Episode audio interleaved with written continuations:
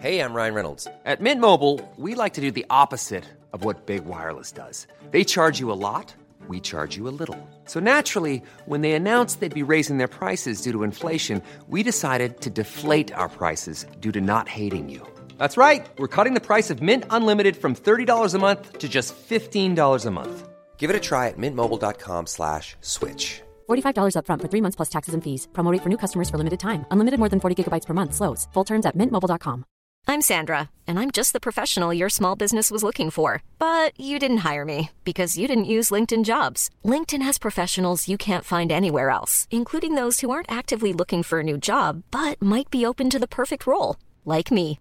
In a given month, over 70% of LinkedIn users don't visit other leading job sites. So if you're not looking on LinkedIn, you'll miss out on great candidates like Sandra. Start hiring professionals like a professional. Post your free job on linkedin.com/people today. Burrow is a furniture company known for timeless design and thoughtful construction and free shipping, and that extends to their outdoor collection.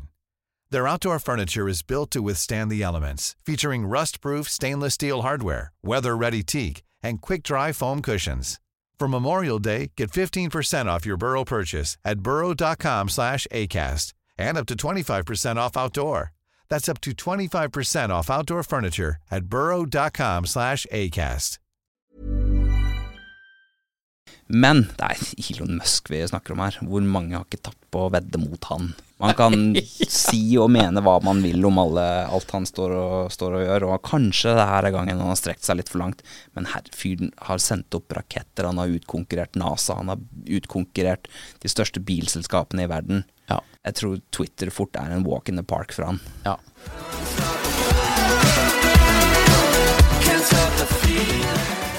All right, Da er vi tilbake med en ny episode av Impressions Pod, og vi har med oss eh, monstergründeren Kenneth Dreyer. 37 år, fra Oslo, eier av We Are Brands og My Muse. Velkommen til oss. Tusen takk, tusen takk. Nå har jeg prøvd å få deg på podden her i nesten et år, så jeg er veldig takknemlig for at du endelig kommer. Det er, det er stor stas for meg. Ja, det var jo kort vei å gå, heldigvis. Så. ja, ja, ja, vi fikk det til. Vi fikk det til. Du har jo en eh, litt interessant gründerreise. Du har jo drevet innenfor eh, markedsføring og drevet et digitalt byrå egentlig i syv år selv, som du holder på med. Og så var du med og grunnla Inevo. Gjorde en exit der, og så endte du opp i eh, klær. Og eh, det kanskje du vil heller beskrive som netthandel, eh, ikke klær, da. Men, eh, men har, det er mye klær det går i.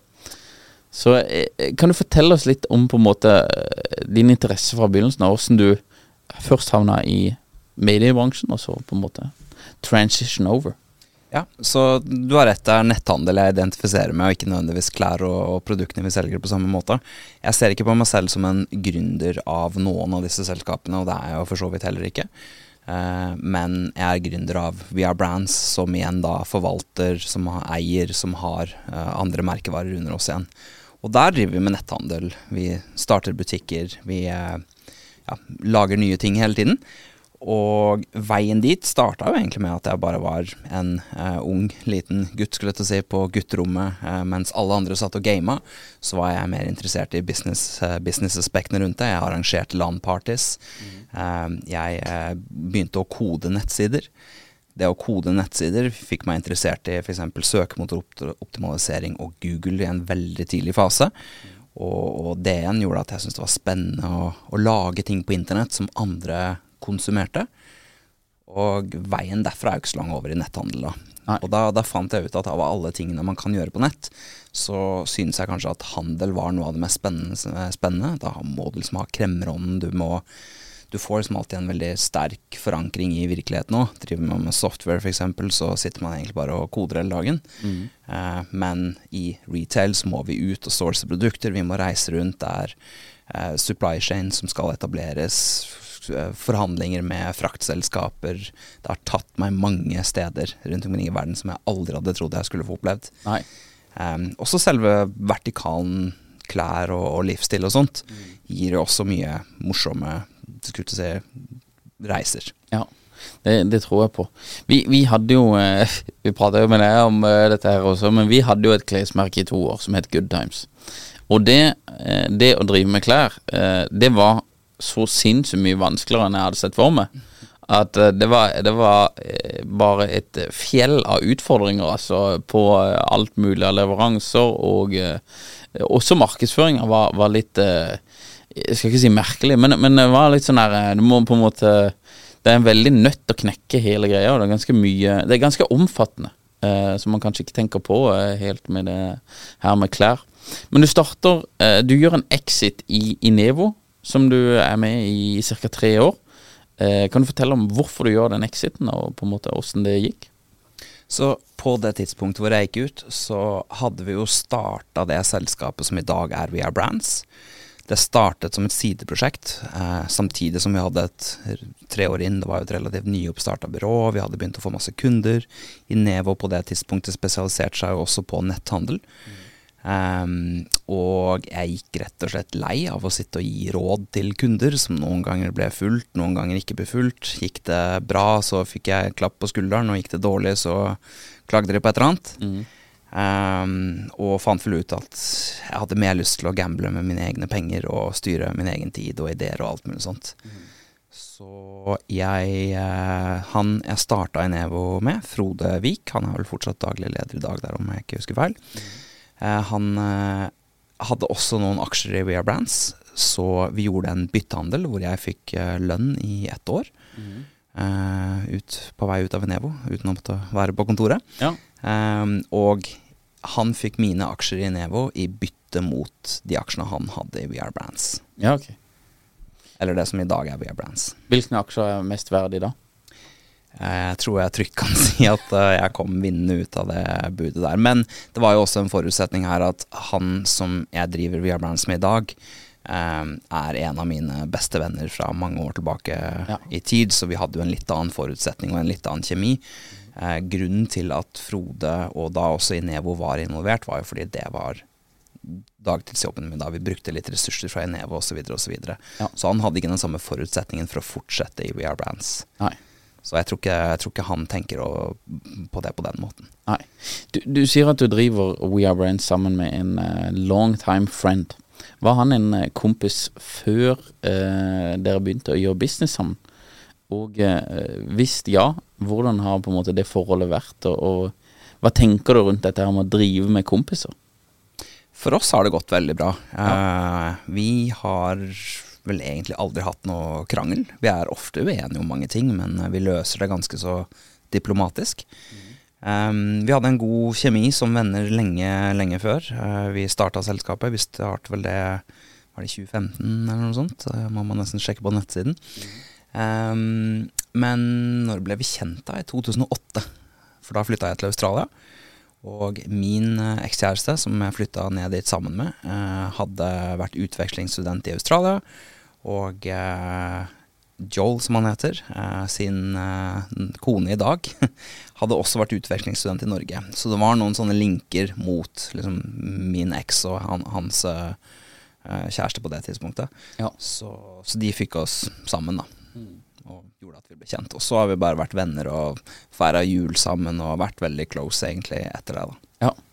Nei, for det er litt interessant det der. Jeg- driver jo sammen med broderen og har gjort det i ni- åtte-ni år nå. Og det har også fått veldig mye sånne advarsler og på en måte ja, varsler mot å gjøre det.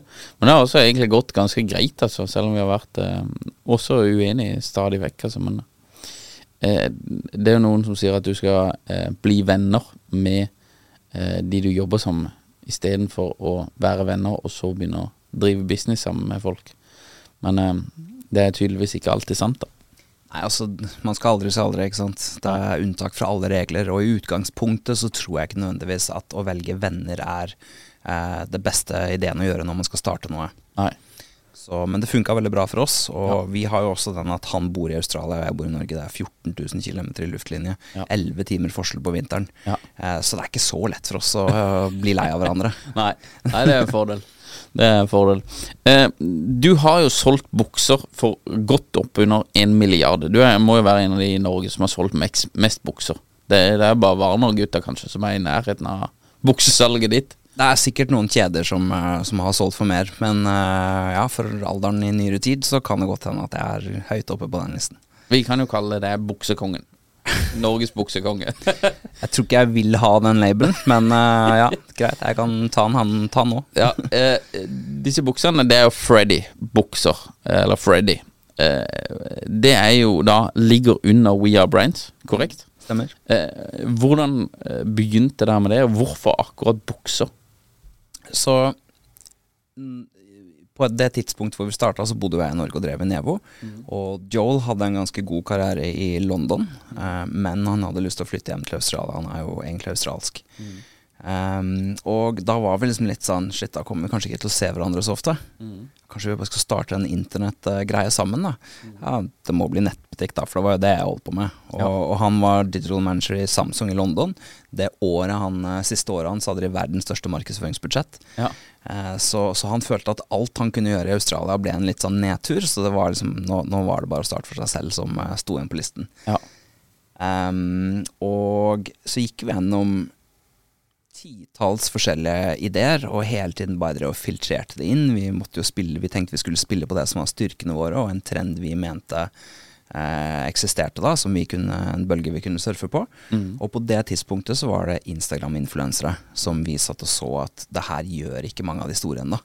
Jeg har alltid tenkt at det er en regel at jo mer folk snakker om en ting, jo, jo mer etablert man blir, jo mindre effekt får det jo. Ja. Men på det tidspunktet der så, så var det svært få som gjorde Instagram-influensere. Så, så vi trengte noe som var visuelt, som funka på Instagram, um, og som vi trodde at uh, influensere ville ta tak i. Og der traff vi ganske spot on. ja. Da ble det bukser.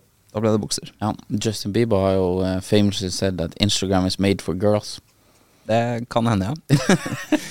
Nei, eh, det, det ble bukser. Det var liksom sånn når vi satt og så på altså Det var selvfølgelig andre terms inne i bildet òg. Vi ville ha eksklusive rettigheter på det vi skulle holde på med. Vi ville ha egne territorier. Vi kunne ikke drive med skulle si, Nike, selv om vi kunne få distribusjonsrettighetene på det, for det er, det er så mange andre som solgte det. Ja. Så det var en god del andre sånne business terms vi måtte treffe på, og da landa vi på det merket. Ja. Freddy er et uh, nesten 50 år gammelt nå i dag uh, italiensk Ja, okay. merke. Det er etablert, ja. Ja. De har holdt på lenge, men de har gjort særdeles lite utenfor Europa. Eh, Så forretningsmodellen vår i starten, for verken jeg eller Joel tenkte jo at vi hadde lyst til å lage produkter selv. Så forretningsmodellen vår i starten var at vi skulle ta eh, merker som var godt etablert, og som hadde litt eh, fartstid bak seg, identifisere de rundt omkring i verden, og ta de til andre steder hvor de hadde mulighet til å surfe en eller annen trendbølge. Ja. Det var der det starta for oss, og da var Freddy det, det første vi Eller den vi identifiserte først. Ja. Hvor, hvor er det selger flest bukser nå? Det er 50-50 mellom Australia og USA. Vi startet jo i Australia. Det var der vi åpna den første nettbutikken. Eh, så de har liksom, der har vi kommet til en sånn fase hvor vi er godt etablerte og har et jevnt trykk hele tiden. Mens i USA så er vi veldig up and coming. Jeg tipper at uh, Jeg er litt usikker på hvordan det var i fjor. Eh, Jeg har ikke sett og sammenlignet tallene, men det kan godt hende at USA passerte Australia i fjor. Ja. Og det gjør helt sikkert det i år. ja. Syns du det er uh, gøy, holdt jeg på å si, gøy er kanskje dårlig ord, men syns du det er gøy å, drive forretning i USA? Og, hvilke for, forskjeller ser du der kontra liksom Australia og kanskje Norge eller Europa? Ser du noen store, klare forskjeller mellom kontinentene? Så hvis du sammenligner f.eks. den nordiske kulturen i hvordan vi forholder oss til mennesker og tillit og sånt i samfunnet, så vil jeg si at ting er relativt likt i Norge og Australia. Det er selvfølgelig et annet klima, og man må bruke andre typer bilder osv. osv. Eh, språk og tidssoner og alt det der. Eh, men USA, det er på en måte en helt egen greie. Altså der er eh, det er mindre tillit, det er mer surr. Altså, vi blir jo saksøkt en gang eller to i året for et eller annet. Ja. Um, USA er på en måte en liten sånn pain in the ass, men allikevel veldig morsomt å være der. Ja. Det har jeg alltid tenkt på litt som big leagues. Ja. Så og nå, nå har vi et kontor i Miami og er etablert der, så jeg føler på en måte at nå, nå har jeg vunnet den. Ja. Nå er det bare å ekspandere og skalere opp der. Ja, fett. Eh, jeg har jo eh, kjent det, eh, eller jeg har visst om det, da, hvis, det, eh, hvis vi kan si det, en god stund, en god del år.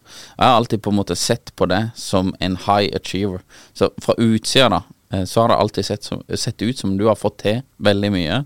Og litt sånn der, av og til så har jeg tenkt at du, du går litt på vann, egentlig. Du, eh, du får til ekstremt mye greier. Eh, har du sett på deg selv som en på en måte eh, high achiever. På en måte, Hvordan har du jobba med å eh, være den personen som kan drive eh, business av denne her størrelsen? Jeg har nok alltid vært opptatt av personlig utvikling, og jeg har alltid skjønt at jeg har en litt sånn annerledes uh, tankegang. Som sagt, når alle andre begynte å game, så syntes jeg det var gøy, men jeg måtte samtidig arrangere et LAN-party hvor det kom 150 stykker som jeg vet ikke, jeg er 15-åring eller noe sånt. Mm. Og tjente jo greit med penger på det på den alderen. Ja. Uh, så jeg har alltid liksom sett litt annerledes på verden i forhold til hva slags regler og normer som fungerer, på godt og vondt. Så eh, ja, jeg har nok skjønt at jeg er litt annerledes der. Ja. Så, men du, du jobber eh, Du har jobba på en måte med egenutvikling og sånn eh, jevnt, da? Ja, det vil jeg si. Mer bevisst kanskje de siste ti årene av livet mitt. Ja. Um, som, som ung 20-åring så flyter jo alt veldig lett. Man er immun mot stress og de tingene. I hvert fall jeg var det. Ja. Um, trodde nesten ikke det, sånne ting eksisterte. Eh, utbrenthet f.eks. har jo virkelig slått meg midt i trynet i 30-årene, som Ja. jeg bare virkelig ikke trodde noe på i 20-årene. Nei. Um, men ja, det har, vært, uh, det har vært en sentral del av meg hele veien. Ja. Kan du prate litt eh, du, du, For du har jo holdt på lenge, og så sier du at eh, du, utbrenthet slo, slo deg i 30-årene. Blir Ble du utbrent, eller åssen Kan du fortelle litt rundt det? Ja, altså når covid kom, så var Før covid kom, sommeren 2019 var kanskje det jeg følte var sånn peak i livet mitt på lykke og hele pakka. Ja.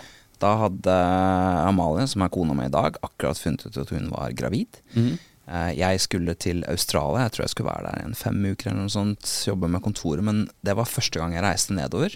Hvor det egentlig ikke var noe sånn Jeg skulle ikke ned dit med noen store utfordringer. Det føltes nesten bare som en sånn rutinevisitt. Så jeg hadde egentlig bare tenkt å dra litt på vinsmaking og ha det litt chill der nede, og ikke holde så mange workshops og lage så mye styr. Skulle egentlig bare med en rolig tur. Ja. Um, men der nede fikk jeg et virus som gjorde at jeg gikk på 50% kapasitet og hadde pusteproblemer i nesten et helt år. Ehm, de første seks månedene var liksom sånn veldig ille for helsen min, og ingen leger fant ut hva det var. Og så skulle jeg jo bli pappa. På toppen av det hele så var jo en omstilling der. Ja. Um, og så kom covid noen uker etter førstemann ble født. Ehm, og ingen visste jo hvordan covid skulle bli, men på det tidspunktet, nyfødt barn, egentlig allerede veldig mentalt og fysisk utslitt. Covid traff, og vi hadde nettopp åpna en butikk på Miami Beach som kosta oss en 50 000-60 000 dollar i måneden, som måtte stenges etter to uker. Men utgiftene løper jo, alt sammen løper jo der. Ja. Så jeg trodde jo at nå skulle hele verden rasere rundt meg. Så de neste seks månedene så ble det jo skylapper på og bare jobbing hele tiden. Ja. Um, og det holdt på en stund før jeg på en måte begynte å kalibrere meg selv igjen og forstå at liksom covid var en god ting for oss som drev med netthandel. Det var en veldig god ting for oss med netthandel. Eh, men jeg er plutselig blitt pappa, og fysikken min har tatt en hit, og hodet mitt begynte å bli litt sliten. Så ble jeg liksom sånn Jeg klarte ikke helt å komme meg ut av den, den grøfta jeg kom ned i da. Så det, det tok lang tid. Ja. Når er det du på en måte realiserer at ok, nå, nå har jeg, jeg har truffet veggen her, eller på en måte dette, er- dette er tøffere enn jeg hadde sett for meg, eller? Jeg tror kanskje fra, fra det var sommeren 2020 at det begynte å gå opp for meg. At eh, det her er ikke noe Jeg kan ikke bare bounce back som jeg har brukt. Jeg har vært sliten før i livet mitt òg, Ja. men da har det vanligvis bare vært sånn stikke på hytta en lang helg for meg selv og bare gå litt turer i skogen, eller eh, gj- gjøre nok affirmations til at Kenneth, her klarer du. Sett deg ned, rydde opp, skriv ned alt du skal, ta bort mange av tingene du ikke trenger å fokusere på. Fokuser bare på det her, og gjør det som en superhelt. Um, når det, de tingene der funka ikke for meg lenger. At jeg kunne ikke hype opp meg selv. det har brukt å fungere ganske fint for meg. Så ja, sommeren 2020 tror jeg liksom sånn Det, det, det er bare All right. Jeg er visst en sånn fyr som er deprimert og utbrent og hele den pakka der, så nå er det bare å finne ut hvordan jeg skal deale med det. da. Ja. Du, du har Jeg mener du har skrevet om det på LinkedIn også, så du har vært ganske åpen om det. Åssen har responsen vært fra andre, liksom, når du har vært åpen om dette? Utelukket bare positiv. Altså, jeg har fått meldinger fra folk som, som har satt pris på å lese det. Jeg har skrevet de tingene der, og mange andre gründere som har sagt at de syns det er fint å se at andre gründere også hei, det går an å bli sliten. Ja.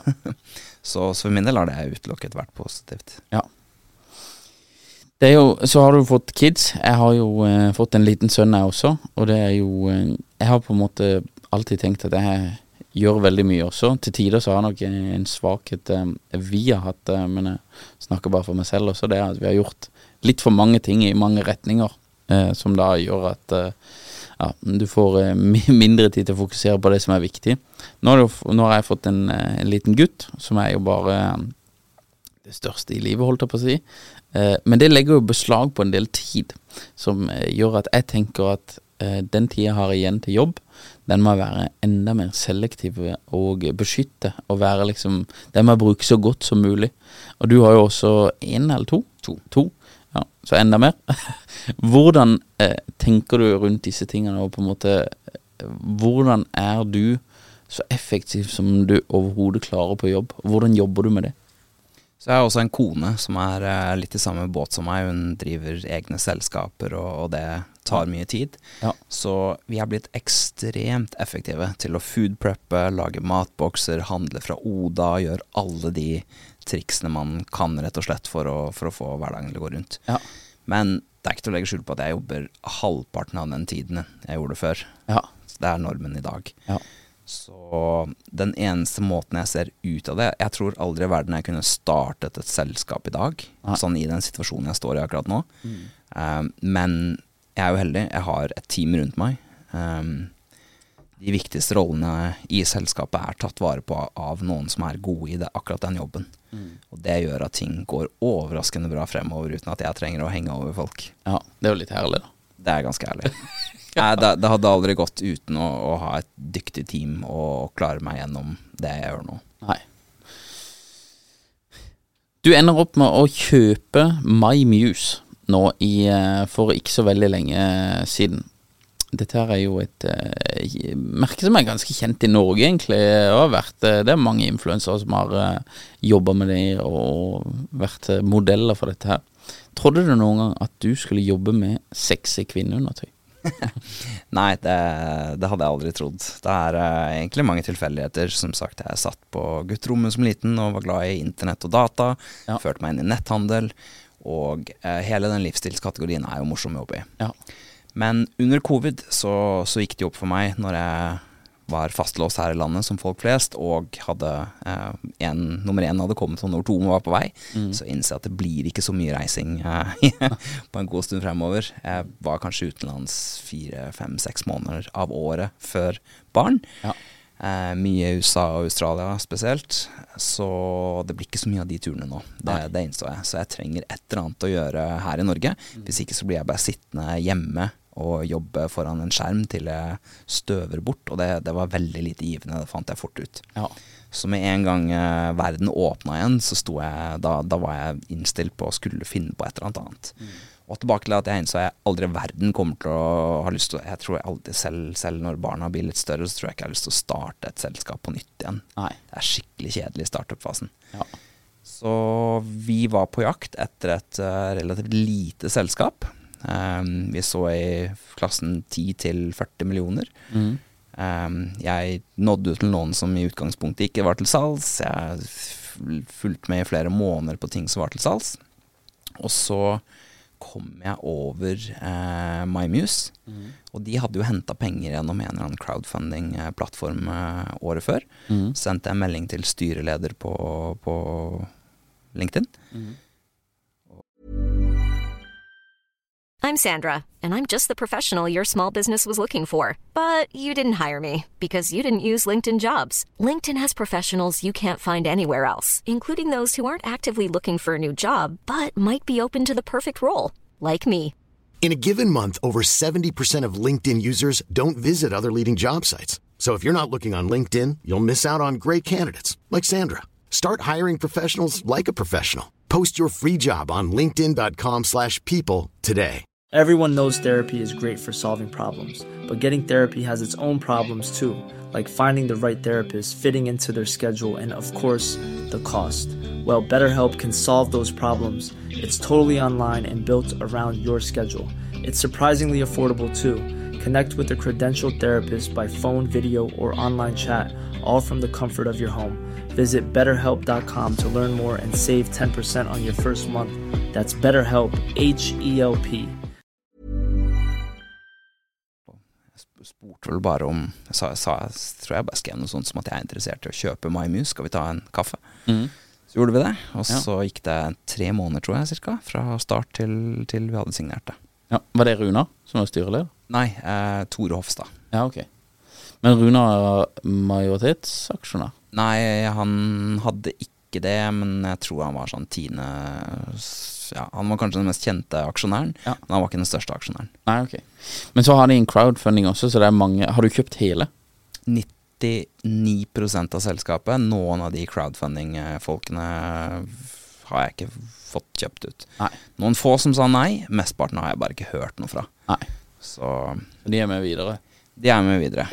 Er, og så er de jo vanna ut som bare pokker nå. Det er 30-40 stykker eller noe som sitter på Deler på 1% cirka. Ja, ok. Ja. Ba, eh, kan jeg spørre hvor mye du ga for det? Hele selskapet verdsatte vi til 5 millioner. Ja. Og så, og så spytta vi inn 3 millioner i frisk kapital, for det var, kassen var nesten tom når vi tok over. Ja, ok. Så det er ikke Det var eh, Nå har jeg veldig dårlig eh, Eller jeg vet ikke hvordan man regner verdien av disse selskapene. Men det var ikke mer enn jeg trodde, iallfall. Jeg trodde det, kanskje det skulle vært verdt enda mer. De mente jo at det var verdt 20 når forhandlingene starta, så Ja. jeg er ganske fornøyd med å få den ned til 5. Ja. ja, ja, men hvis det er salg der, så er jo det reell markedsverdi. Greia er at de tar jo tapt penger hele veien. Jeg Ja. tror til dags dato så har man just tapt noe sånt som 35 millioner. Ja. Så det er jo mange aksjonærer som har uh, spytta inn penger over syv år eller noe sånt. Ja. Eh, og ikke et eneste av de årene har de klart å, å gå i overskudd. Så, så sånn sett så var det en attraktiv kandidat for oss, for den, den regna jeg med at jeg skulle klare å forhandle godt ned på pris. Ja, ja. Det er jo eh, trivelig det når du skal kjøpe noe billig, at det har gått dårlig. Hva er de viktigste tingene du skal gjøre for å snu MyMuse? Um, først av alt så handla det om fokus på tvers overalt. De, var, de hadde ikke fokusert på produktlinja. De hadde ikke god tech. De hadde ikke fokusert ordentlig nok på oppgavene de holdt på med.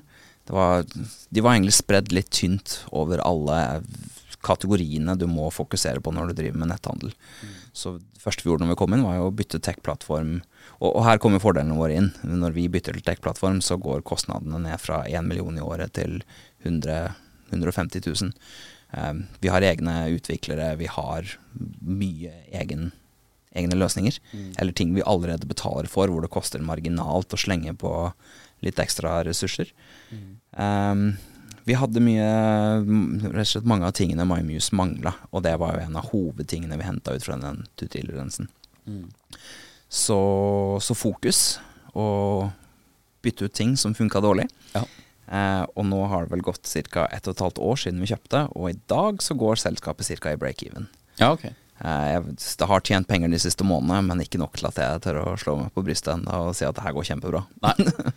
Men det, det, det går i null i 2023. Det håper jeg. Ja. Det regner jeg med. Ja, det, det er ikke dårlig. Men det er, det er jo Dette er da litt av Hvis jeg forstår det riktig, så er det litt av tanken til We Are Brands. Det er på en måte stordriftsfordeler med nettopp denne her type ting. Ja. Eh, det som I starten så var det som sagt at vi skulle prøve å spotte trender rundt omkring i verden. Mm. det har endra seg litt. Vi er, vi er ikke interessert nødvendigvis i å ta andre etablerte merker, så fremt vi ikke får kjøpt uh, i hvert fall en majoritet i det. Eh, men vi er interessert i å, å teame opp med andre, for jeg som sagt kommer aldri til å designe kvinneundertøy eller bukser eller noen av de tingene der. Nei. Jeg er interessert i businessaspektet av det. Og tilfeldigvis er det sånn at de flest, veldig mange i hvert fall, um, av de som lager brands, er interessert i nettopp det. Kulturen, community, produktene. Men de, de forstår ikke nødvendigvis så mye av selve businessaspektet av det. Markedsføringen, teknologien og alt det der.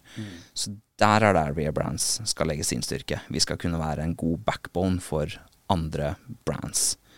Ehm, så, så, så det er den nåværende forretningsmodellen vår. Jakter dere på eh, nye selskaper å kjøpe? I utgangspunktet ja, men kapitalen er eh, tightere enn den noensinne har vært. Ja. Så vi, er, vi står ikke klar til å bla opp penger for et selskap nå. Nei. Du har jo brukt veldig mange influensere i Norge. Eh, hvem er den beste influenseren du har jobba med i Norge? Jeg har ikke jobba så mye med de selv, Nei. så det er ikke sånn at jeg sitter med kontakt Jeg sitter ikke og gjør influenserarbeid selv. Nei. Men back in the day, Back in the day. så var det litt uh, spørs hva du mener, da. Altså, mener høyst på konverterende. Altså, Det er jo Sofie Elise. Hun, Sofie Elise? Ja, hun har stort sett alltid solgt mest. Ja, ok. Hver gang vi har brukt henne. Ja. Så det er ikke eh, Sofie Elise er ikke bare hype. Det er, der blir det penger i kassa. Altså Jeg vil jo definitivt si at hun har mista effekt over årene. Ja. Jeg, tror hun, jeg tror ingen har Jeg tror ikke det nødvendigvis heller bare er Sofie Elise. Folk flest vet at influensere er til salgs, Mm. og de vet at når de plutselig går, går godt for et eller annet, så, så er det litt deal-making på bakrommet der. Ja. De har alltid en fortjeneste på det de anbefaler, nesten i hvert fall. Mm. Så, så jeg tror vi har blitt mer Vi har litt mer sånn eh, en gard oppe for det. Banner blindness, som, Ja. så mange bruker å kalle det, den har også spredd seg til at vi, bry, ja, vi bryr oss ikke like mye om Social media blindness. Ja, kanskje, kanskje det. Ja. Nei, jeg ser den. Har du hatt noen andre eh, kampanjer, eh, iallfall tilbake i tid, som du har tenkt at nå kjører vi på, kjører kampanjen, og du blir på en måte blåst, blown away av eh, gode resultater? For vår del så har vi ikke egentlig hatt så mange sånne megavirale greier. Nei. Det er kanskje fordi både jeg og Joel Det, det, det er aldri der den kreativiteten s- som har vært vår spesialitet. Så vi har ikke helt klart å, å treffe på det. Så for vår del har det egentlig vært mer en systematisk vekst hele veien. Vi regner oss frem til at her tror vi det er en, en mulighet for å vokse, eller her ligger det en, ja, et eller annet vi kan ta. En posisjon, eller hva det enn er. Og så, har vi prøvd og, og fått det til. Ta f.eks. Facebook ads akkurat nå er kanskje en av primærene som gjør at MyMuse går bra. Vi har funnet ut hvordan Facebook ads skal gjøres i dag. Um, på influenserfronten så switcha vi vekk fra å gå for mange av de store kjente, og har heller gått på ja, et par hundre små. Og det ga oss en helt annen effekt igjen. Um, måten vi jobber med de store på har også vært veldig annerledes. Ta f.eks. Iselin Guttormsen hadde vi et veldig godt samarbeid med. Eh, flott rollemodell, og hvert fall altså, hun, hun sier jo mye rart, og det er kanskje mange som ikke liker henne for det. Men det er en dame med bein i nesa som, eh, som er veldig smart. Um, Konverterte hun bra? Eller hun konverterte kjempebra. Ja. De kolleksjonene hennes eh, gikk bra. Og eh, jeg skulle bare ønske vi bestilte mer produkter rundt det hun gjorde. Ja. Men det det også gjorde for My Muse, var jo at vi, vi fikk en litt mer voksen posisjon, og tok kanskje noen steg vekk fra den Sophie Elise-influencer-boblen. Um, og, det, og henne arrangerte vi et, et, en sånn lanseringsfest for produktene. Det hadde ikke My Muse hatt som vane å gjøre før. Det var rød løper. eh, alle de store mediene sto og tok bilder av folk på den røde løperen. Um, det kom på TV 2. Um, det, var, ja, det var en suksess sånn PR-messig. Ja. ja, det er jo um, stas å ha noen av de også. Stas å ha noen av de. Eh, hvis du skulle på en måte pekt på en gründer i Norge som eh, du syns er veldig flink, eller på en måte er den beste gründeren i Norge, hvem ville du eh, sagt da?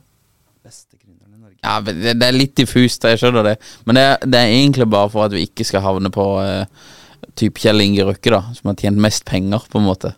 Men at du Ja. har eh, noen som kanskje er litt aktuelle nå også, som du ser hen på, og så bare ja, disse her skjønner mye, de får til mye bra.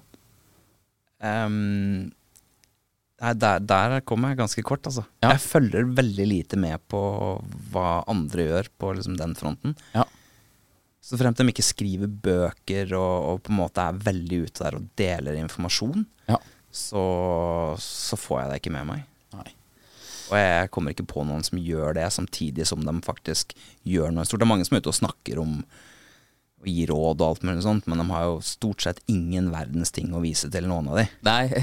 Og de som har noe å vise til, de sier jo ikke så mye, da, fordi man har jo andre ting å drive med. ikke sant? Ja. Så der, der, der, jeg kommer litt kort der. ja. Jeg er enig i det. Ofte så er det de som holder på med mest. Kommer du på noen? Nei, jeg syns jo Truls Bratås, Brattås, eh, eller Bratås, eh, han douchebag-gründeren Jeg syns jo det har vært eh, ganske kult, det, selv om jeg ikke har Jeg skulle til å spørre hvem er det, jeg har aldri hørt. Nei, han, snakker han høyt om noe som helst, eller? Jeg tror ikke han prater så veldig høyt om noen ting, egentlig. Men uh, han er grunnleggeren av Douchebag, da. Ja. Sammen med Jon, da. Men eh, det de har gjort, er jo ganske imponerende sånn uh, ja, over en god del år, da. Jeg vet ikke hvordan, helt åssen det går nå, men uh, ja, det er kul, det, er kul, det syns jeg er veldig kult. Eh, og så er det jo Du har jo eh, Onepiece, Onepiece de syns jeg er kule. Ja. De, de har gått inn i USA, og jeg har ingen anelse om hvordan de gjør det finansielt, men de har jo klart å, å vokse ganske bra. Ja, de har også gjort litt sånne ting som er Som jeg tenker er litt sånn sjokkerende. Fikk eh, Kardashians til å gå med det, og liksom sånn. Sam, litt det samme med, med douchebags også. Jeg hadde den kolleksjonen med han der eh, Marcelo som spiller på Real Madrid, og liksom Ja, veldig high. Men da har vi også Remarkable, og det er jo, det er jo mange Ja. selskaper som Ja. har gjort det bra, men gründerracer opp til er jo ingen anelse om han Truls faktisk er primus motor i det der, eller om han bare er en heldig person som sitter på mest aksjer, eller Ja, som nei, daglig leder. Han var iallfall først inne, eller det var han og Truls Nei, han og Jon, mener jeg, som starta det. Ja. Så han har vært med helt fra begynnelsen. Altså. Så jeg kjenner han ikke så veldig godt, jeg heller. Men jeg, ja. det jeg klarer å se, da, det er eh, imponerende greier, altså. Så eh, Men eh, hvis du ikke har noen gründere du ser opp til, har du noen bøker du kan anbefale til gründere? Eller som du leser selv på personlig utvikling? Eh, ja da, altså går man på Goodreads-profilen min, så ser man alt jeg leser, og de fleste jeg gir fem stjerner, kan jeg jo stort sett anbefale. Ja. Men to bøker er, de to bøkene jeg kanskje har annonsert mest og, og dytta på andre på teamet mitt, er eh, oh, Jeg husker ikke hva han heter, men det er den eh, biografien om han som var sjef i Disney, Bob Iger. Den er kjempebra. Han er jo en storyteller, selvfølgelig. Han styrte Disney, Ja. så de greiene der er han flink på. Men det syns jeg var en veldig fascinerende reise, som viser litt om hvordan man kan klatre opp de forskjellige hierarkiene, selv om du ikke nødvendigvis kommer fra de riktige stedene, osv. osv. En annen veldig spennende bok uh, er uh, The, hva var den heter? The Hard Thing About Hard Things. Av eh, Er det Horowitz, et eller annet han heter? Eh, folk får google seg frem til det, så kommer de nok eh, frem til det. Men Ja. den, det var en veldig passende bok for den tiden her. Jeg tror den ble gitt ut litt før covid, uh, men allikevel veldig passende for den tiden vi er i nå. Ja. Den snakker om Altså Det er jo en veldig suksessfull person i Silicon Valley som snakker om egentlig bare alle tingene som gikk galt, og at det har ikke bare vært en dans på roser Nei. å komme til den posisjonen han er i i dag. Mange ganger han trodde han skulle gå konk og nesten dø og alt mulig sånt. Ja. Um, så, så ja.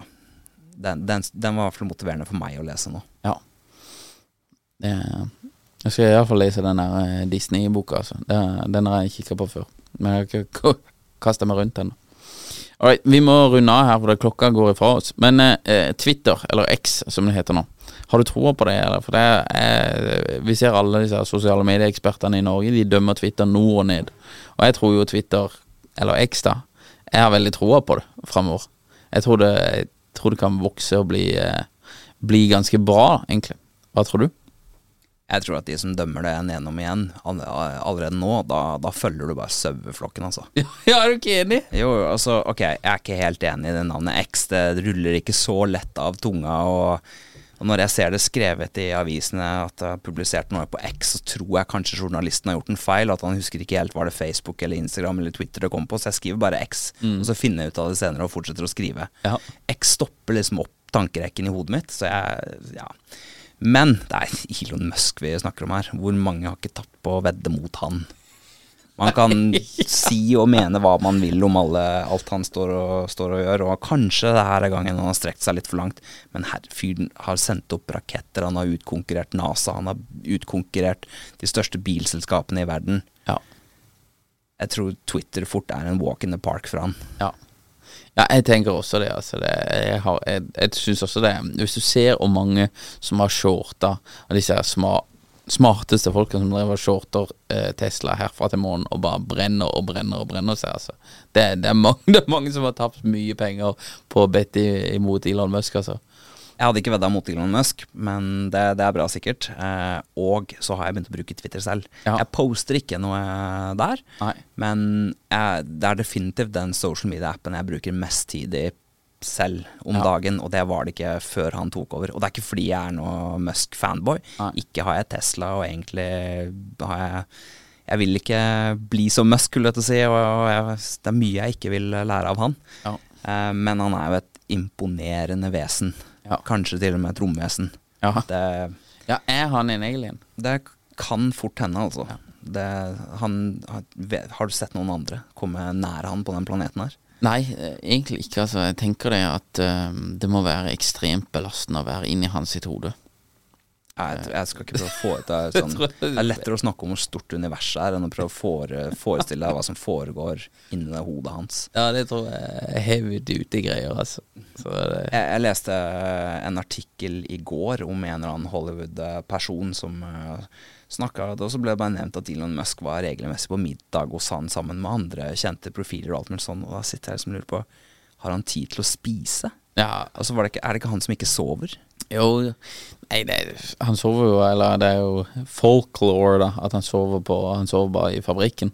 Ja. Og den ene gangen Han sover jo på det møterommet. Men han sa også det at han hadde tatt ut sofaen ut på fabrikkgulvet en stund og lagt seg der, sånn at alle kunne se at han sov.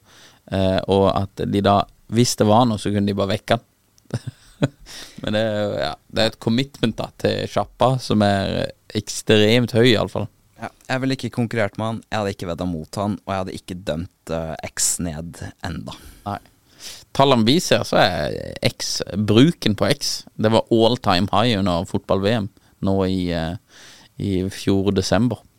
Og uh, på en måte dette med threads og, og, det som har skjedd der, det liksom Det biter ikke, føler jeg. Jo, nå viser det seg jo at det er jo 80% ned av bruken på threads. Den jo blir jo ikke brukt i det hele tatt. Mm. Det er jo bare en svada greier, altså. Men jeg er inne med det. Jeg også begynte Jeg brukte mye Twitter i 2013, 2014, 2015. Og så falt det ganske kraftig. Nå er jeg egentlig litt på igjen. Altså. Jeg tweeter heller ikke. Men eh, det, det, jeg føler liksom at det, det, er ganske Det er mye interessant som skjer der, da. Som jeg har lyst til å få med meg. Jeg føler at du må ha noe veldig interessant å si for å, for å delta der. Ja. Det er ikke like stort rom for spam og dumme kommentarer. Nei. Treads derimot, jeg tror det ble Det tok av, eller tok av. Det var litt sånn falsk uh, illusjon rundt det. Mm. For det første var det jo veldig lett å signe opp fra Instagram. Ja.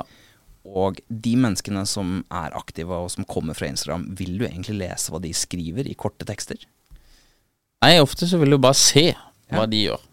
Uh, du vil ikke høre eller se, se hva de skriver, nei. Uh, Nettopp. Så, så, der tror jeg fortsatt at uh, X har en, har en, fordel. Ja. Kenneth, utrolig trivelig å prate med deg. takk for at du deler, og det er veldig spennende reise du har. Du er jo en, du er jo en relativt unik gründer i Norge. Hvor, hvor, er Kenneth Dreyer 50 år gammel? Hva holder han på med, da? Han Jeg håper jo at jeg fortsatt jobber med VR Brands, og eh, bare at jeg kanskje gjør det litt oftere fra et sommersted, og at barna fortsatt er eh, med meg. Og at alle de kollegaene som jeg jobber med i dag, er, også har feriehus i nærheten, og at vi kan bare ha det gøy sammen. Ja. Jeg er ikke så opptatt av tallene og, og hvor stort alt skal bli, men samtidig så er det det som er måleinstrumentet vi, vi bruker. Så jeg skal fortsette å bare eskalere de selskapene her. Ja. Nydelig. Takk for praten, og takk for at du kom. Takk for at jeg fikk komme. Hyggelig å være her.